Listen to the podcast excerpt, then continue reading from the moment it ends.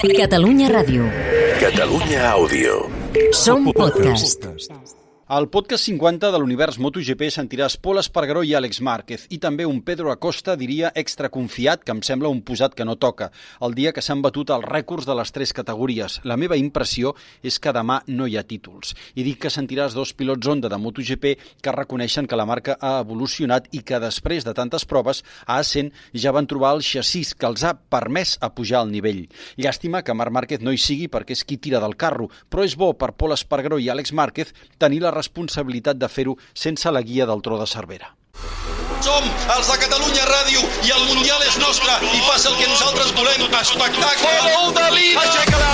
Aixeca-la! Passis a Misha, però com corre tu moto! Univers MotoGP. Però que animal és el champion! La champion! Univers MotoGP. Amb Damià Aguilar.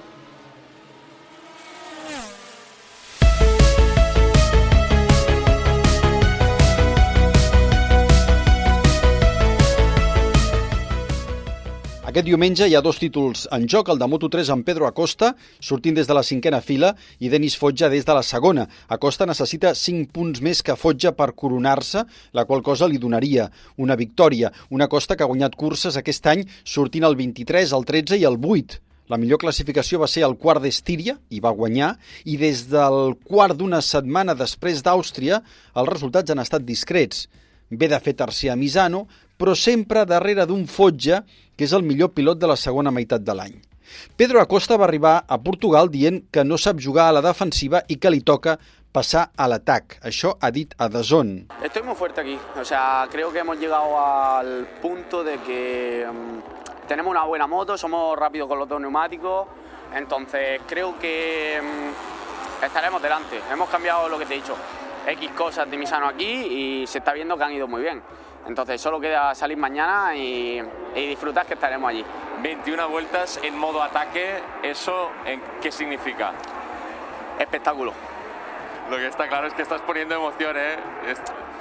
Tío, si no le pongo yo emoción, ¿quién le pone esto? Esto no se podía decir tan rápido. Si no, si no, no me sentiría que estoy luchando por un mundial. Esto hay que darle ahí presión y ganárselo. Acosta segueix en moda confiança. Sinceramente estoy contento. Me esperaba que hoy no iba a ser un buen día para hacer un quali, porque lo hemos visto en el FP3 y en el FP2. O sea, parece que Jaume y yo somos la arma de caridad del Pado que vamos repartiendo ruedas por ahí. Pero bueno, no estamos muy atrás, estamos en eh, quinta línea. Me siento bastante fuerte, como hacía tiempo que no me sentía después de hacer los cambios que hicimos a partir de Misano. Entonces creo que no hay nadie en la parrilla que tenga mejor ritmo que, que yo, que Jaume, o sea, en nuestro equipo. Entonces, creo que no está tan mal. A l'abril passat a Portimao, Pedro Acosta va guanyar Fotja a la mateixa línia de meta per 51 mil·lèsimes. Havia sortit en vuitena posició. Univers MotoGP. El títol de Moto2 s'ha de decidir entre dos companys d'equip. Raúl Fernández sortirà per setena vegada des de la pole position i al seu costat el líder Remy Gardner, que està pilotant amb dolor per una caiguda divendres. Gardner necessita 8 punts més que Fernández, que sembla un obús cada cop que surt a pista i més després d'aquella errada de Misano que li va donar aire a l'australià. Anem a MotoGP. Univers MotoGP. La pole, la sisena del curs per Peco Banyaia Miller i Mir a la primera fila. 1.456 dies després, el campió del 2020 sortirà d'una primera fila. Hi ha quatre Ducatis entre els cinc primers, Martín i Zarco són quart i cinquè, Pol Espargaró sortirà sisè i és una posició des de la qual podria llançar un cable i agafar-se als del davant. Li toca, però, arriscar. És cert, hi ha pilots a davant que són molt ràpids, també hi ha pilots que no són tan ràpids com nosaltres a un, a un ritme de carrera, però és cert que les dues Ducatis van ràpid, um, que el Fabio el tenim a darrere però va com un coet aquí i llavors Bueno, tot dependrà també de la sortida, de com sóc capaç de col·locar-me a final de recta, de si estic a davant, doncs, poder aprofitar la tirada o almenys les primeres voltes, que és el que més em costa a mi amb dipòsit ple i, a més a més, nosaltres tardem un pèl més en calentar els pneumàtics que els de més i això serà, serà la clau, no? Les tres primeres voltes. Si sóc capaç de mantenir-me les tres primeres voltes en posicions eh, bones, crec que llavors la carrera serà molt més fàcil. El problema serà quan comenci a perdre posicions a les primeres voltes, llavors sí que se'ns farà la carrera una mica llarga, però, però bé, venim de fer un podi, llavors és important tenir confiança, eh, amb nosaltres, que podem fer-ho, que, que som igual de competitius o més que, que molts dels que tenim a davant i sortint a segona línia tenim opcions d'estar allà, així que intentaré donar el màxim per, per treure el millor resultat d'aquest fi de setmana. A la tercera fila hi ha Fabio Quartararo i Àlex Márquez. L'Àlex a l'abril va sortir 13 i va acabar vuitè. No renuncia a millorar la sisena posició final de França. La millor sisè, crec, alemans, eh, he d'acabar d'analitzar l'FP4, però crec que en general entre el 5 i el 7 és la nostra posició aquest cap de setmana. És on hem estat eh, constantment i, i on, han, on hem pogut treure profit.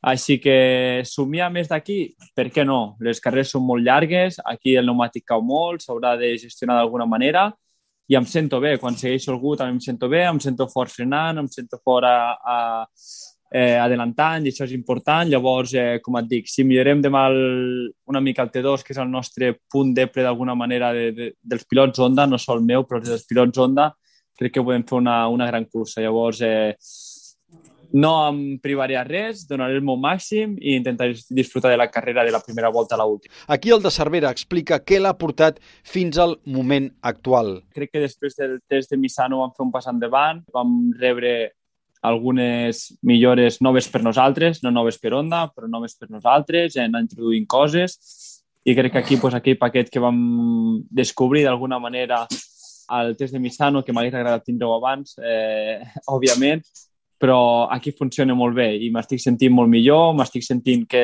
des de que vam córrer aquí ara la moto ha millorat bastant, la moto, el setup és molt diferent i des del primer moment ha funcionat, llavors crec que és una millora en general, és una millora a l'optimisme també eh, de cara a l'any que ve, perquè seguint el camí de l'any que ve, però, eh, com et dic, és bo eh, veure aquestes millores i aquestes senyals.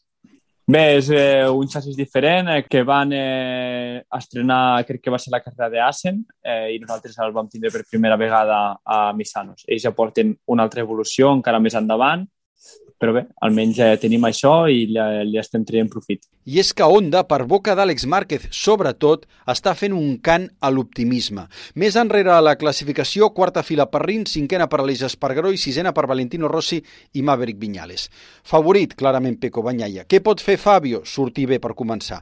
El warm-up potser ens acaba mostrant alguna pista sobre l'elecció dels pneumàtics perquè tot i el fred, tenim un màxim de 36 graus en pista fins al moment, n'hi ha que fan anar el pneumàtic més dur.